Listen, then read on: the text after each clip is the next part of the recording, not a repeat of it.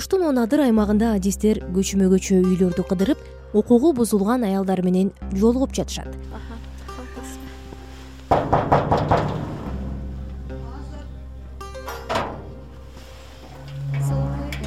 Саламатсызбы? Кандайсыз? Саатыңыз жакшыбы балдар үй бүлө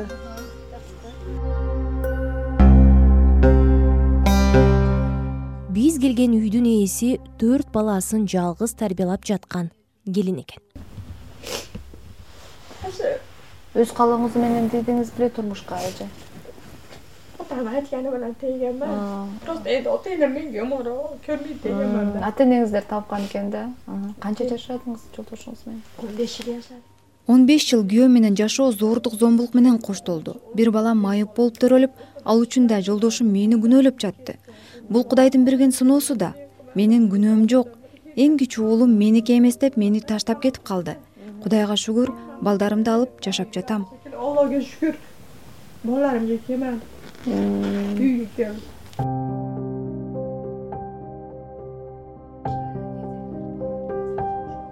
атын атоодон жазгактап жүзүн жашырган аял маңдайында кабар алып келген адистерге көзүнүн жашын төгүп жашоо шартын айтып берип жатты адатта психологдун коштоосунда мындай сүйлөшүүлөр бир нече саатка созулат.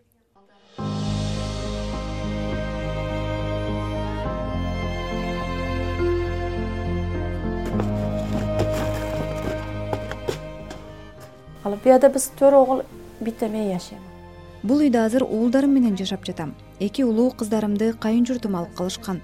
Мурдагы күйөөм да алар менен турат. Эрим менен кичиги колледжде окуйт экинчи курс. Эч кандай шарты жок чакан эки бөлмөлүү үй келиндин өзүнүкү эмес. Барар жери жок калган келин бирөөнүн тамында убактылуу баш калкалап жатат. Көмүр жок да буерде ошон үчүн көмүр жолуу үчүн эпила могу сандалда могу печканы якып отурамыз күйөөм жок үйдө эркек жок болгондуктан шарт да түзө албадым. Көмүргө акча жок ушул бөлмөдө баарыбыз отурабыз ана кетти сабук экинчи бөлмөбүз аябай суук. Жолдошум дагы бир жолу үйлөнүп ажырашты. Менимче мындай кордукка ким чыдайт? Күйөөм урганы аз келгенсип кайындарым да кийим синтип кайын эжелерим кол көтөрчү. Ортоңку уулумдун майып болгонун ушундан эле көрөм. Тип анан мен азыр келгенимден бери. Нормальный жок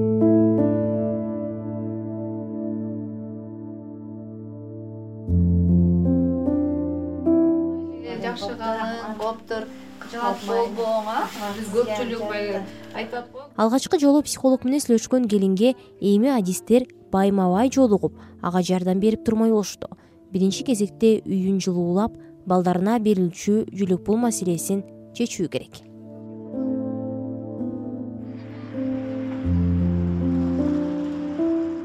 Жетимиш миңге жакын калкы бар он адыр шаарчасында аялдар менен иштеген адис психологдор дээрлик жок ушундан улам ош шаарындагы арулан кризистик борбору мынтип эл аралап маалымат таратышат.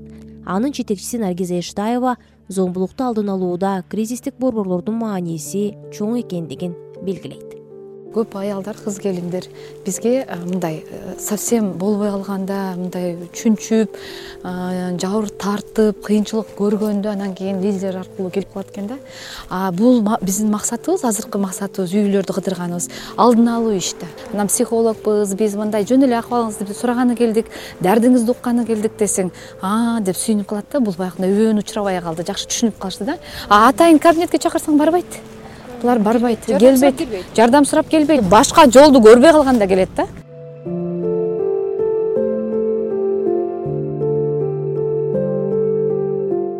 Кризистик борбор же наргиза эштаева өңдүү адистерди ар бир эле үйдө түшүнүү менен кабыл алып эшигин ача беришпейт. Ушундан улам мындай борборлор менен эл ортосунда жергиликтүү бийлик жер жердеги активисттер көпүрө болуп беришет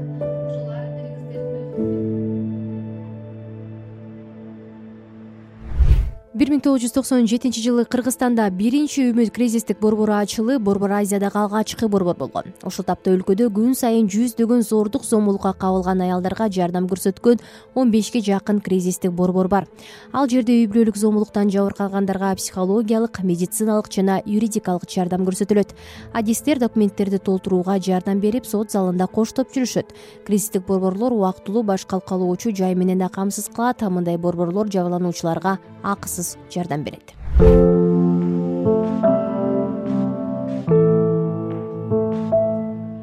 Ош облусу боюнча эки кризистик борбор иштейт.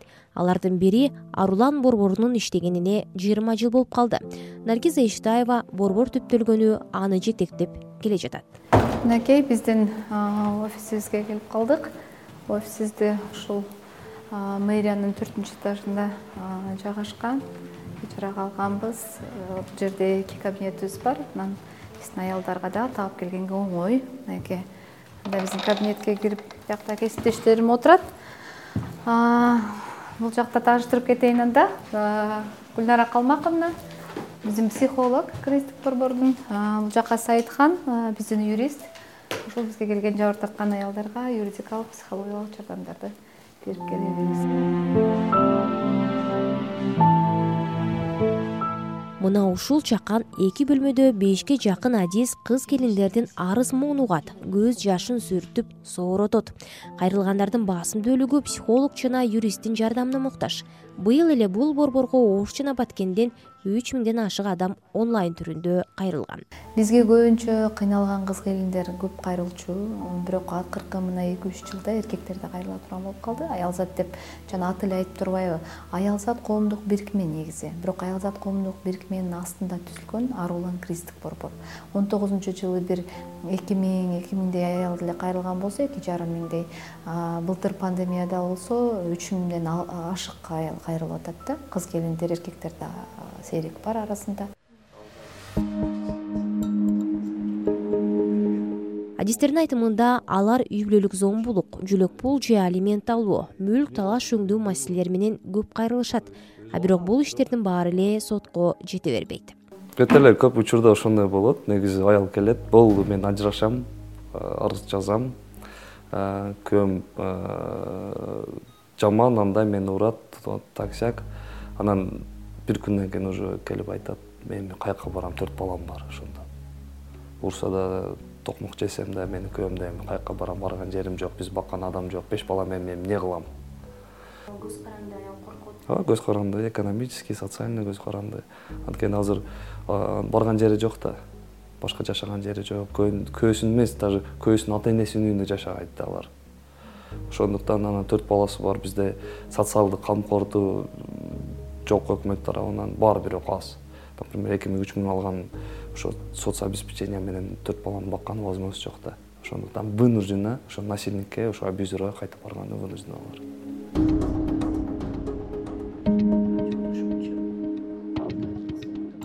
кризистик борборго ар кандай тагдырга туш болгондор келет. Арасында ал тургай билимдүүлөр да бар. Маселен бул аял былтыр пандемия башталганда үйүндө чыр чатак көбөйүп анын айынан психологко кайрылууга аргасыз болгонун айтып жатат. Мен өзүм мектепте мугалим болуп иштейм. Анан ушундай зордук зомбулукка кабылып жүргөндө мен обычно бирөө жарымга айткандан уялам себеби тааныштарым болот кимге айтам алар бирөөдөн бирөөгө айтып коюшу мүмкүн ошол учурларда мен эч кимге айта албай аябай кыйналып жүрдүм. Анан кийин э, пандемия болуп калды. Пандемияда дагы аябай бул нерсе күчөп кетти. Ошол убакта интернеттен наргиза жолуйнанын арулан кризистик борборун билип калдым дагы. Анан сразу эле байланыштым. Кайрылып ичиңдегини айтып алардан кеңеш алып өзүңө жардам алып алсаң бул жакшы нерсе экен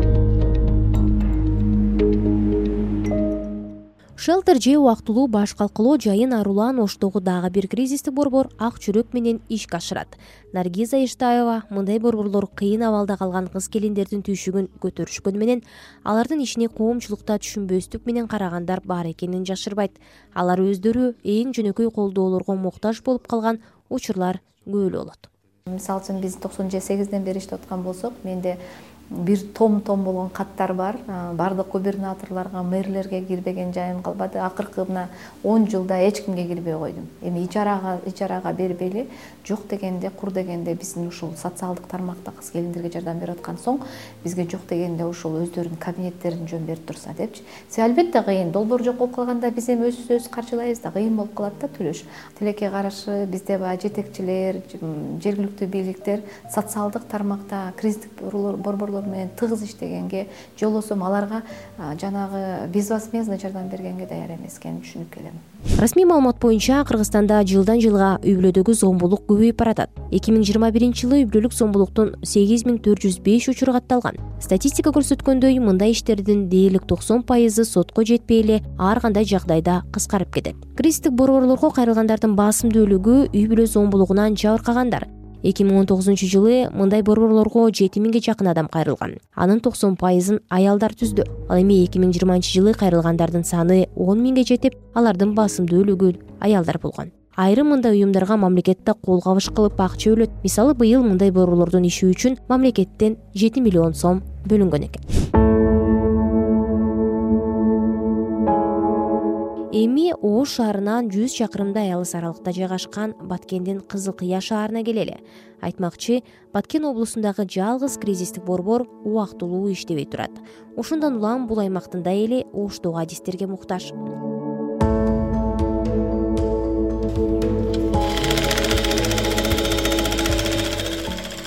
кызыл кыяны тургуну айсалкын шыралиева ажырашып балдарын багуу үчүн мугалимдик ишин таштап орусияга миграция кеткен. Чет жердеги түйшүктүү жылдардан кайтып келген аялдын апасы каза таап уулу оорулуу болуп калган. Турмуштан каржылаа түшкөн аялга кризистик борборлор кол сунган. Э, балам эки миң он эки эки миң он үчүнчү окуу жылында бөйрөгүнөн катуу ооруп ушу операция болуп ошол жылы апам өтүп көңүлүң караңгылашкан мезгилде э, психологдордун жардамы өтө чоң болот экен. Биздин кыргыздар ушуну түшүнүп жете элекпиз деп ойлойм да дагы элечи ушундай муктаж э, дардыңды кимге айта турган адам таппай анан кийин э, кыскасы сөөнөргө тоо таппай турганыңда ушул психологдордун жардамы өтө чоң деп ойлойм да. Кризистик борборду билбегендер өтө көп мен өзүм деле билген эмесмин. Мөгдүрөп калдымбы билбеймин. Ушундай кыйынчылыкка түшүп калгам да. Ошондо бардым. Наргиза эштаевага барып психологический анан жардам алдым. Мен адамдарды психологический жардамдан качпагыла деп айтат элем да стресстен арылып бир аз калыбына келе түшкөн келин бейөкмөт уюмдарга чыгып долбоор жазганды үйрөнүп анын аркасы менен тикмечиликти өздөштүргөн. Анын ишкерлигин арулан кризистик борбору эл аралык уюмдардын жардамы менен колдоп берген. Мындай борборлор психологиялык жардамдан тышкары зомбулуктан жабыркаган аялдарга бизнес долбоор жазганды үйрөтүп экономикалык көз карандысыздыкка жеткенге көмөктөшөт мынабу менин проекттен утуп алган машинкаларым. Бул тигет бунусу аврилогу мен мынабу немелерди постельный бельего эме кылгам да өзү проект жазганмын мына ушундай постельный бельелорду. Роза бар го? Розалар. Розага эле чөмүм жетет экен ар кандай эмелери бар? Өңдөрү. Өңдөрү бар могулор бар. Буларды тааныштарым алат анан кийин кээде ашып калса базарга алып барып өткөзүп берем көбүнчө эле заказ менен эле тигем да мага бешөө тигип бер мага эки адамдык кылып тигип бер дегендерде ушуларды эме кылып комплект баардыгы комплект булар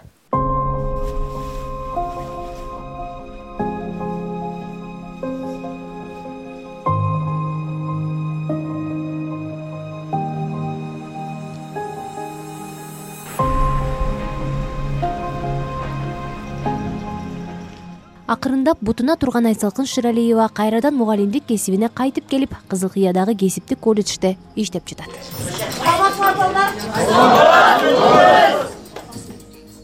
Сабак бербестен биз ар бир адамдын өзүнүн укугун билиш керек деп укуктары боюнча дагы айтып кетебиз.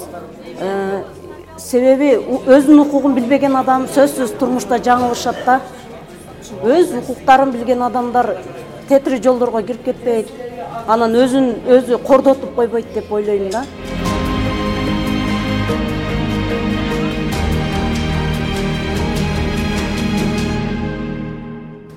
Бул биздин ашканабыз. Бул жерде мени менен проектте чогуу катышкан кризистик борборго бирге барган кызыбыз э, гүлнара аты. Ушул жерде азыркы күндө шеф повар болуп иштейт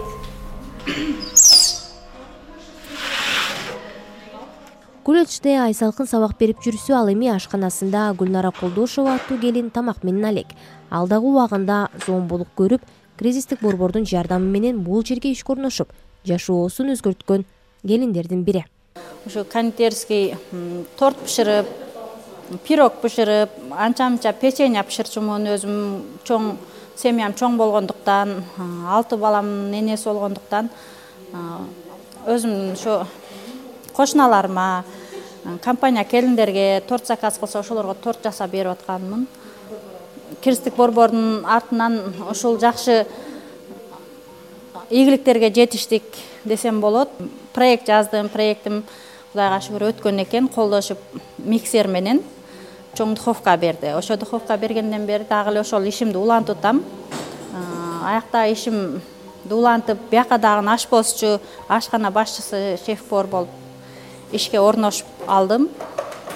Биякта дагы ошо балдарга тамак бышырып мынантип кондитерский нерселерди бышырып иштеп атабыз.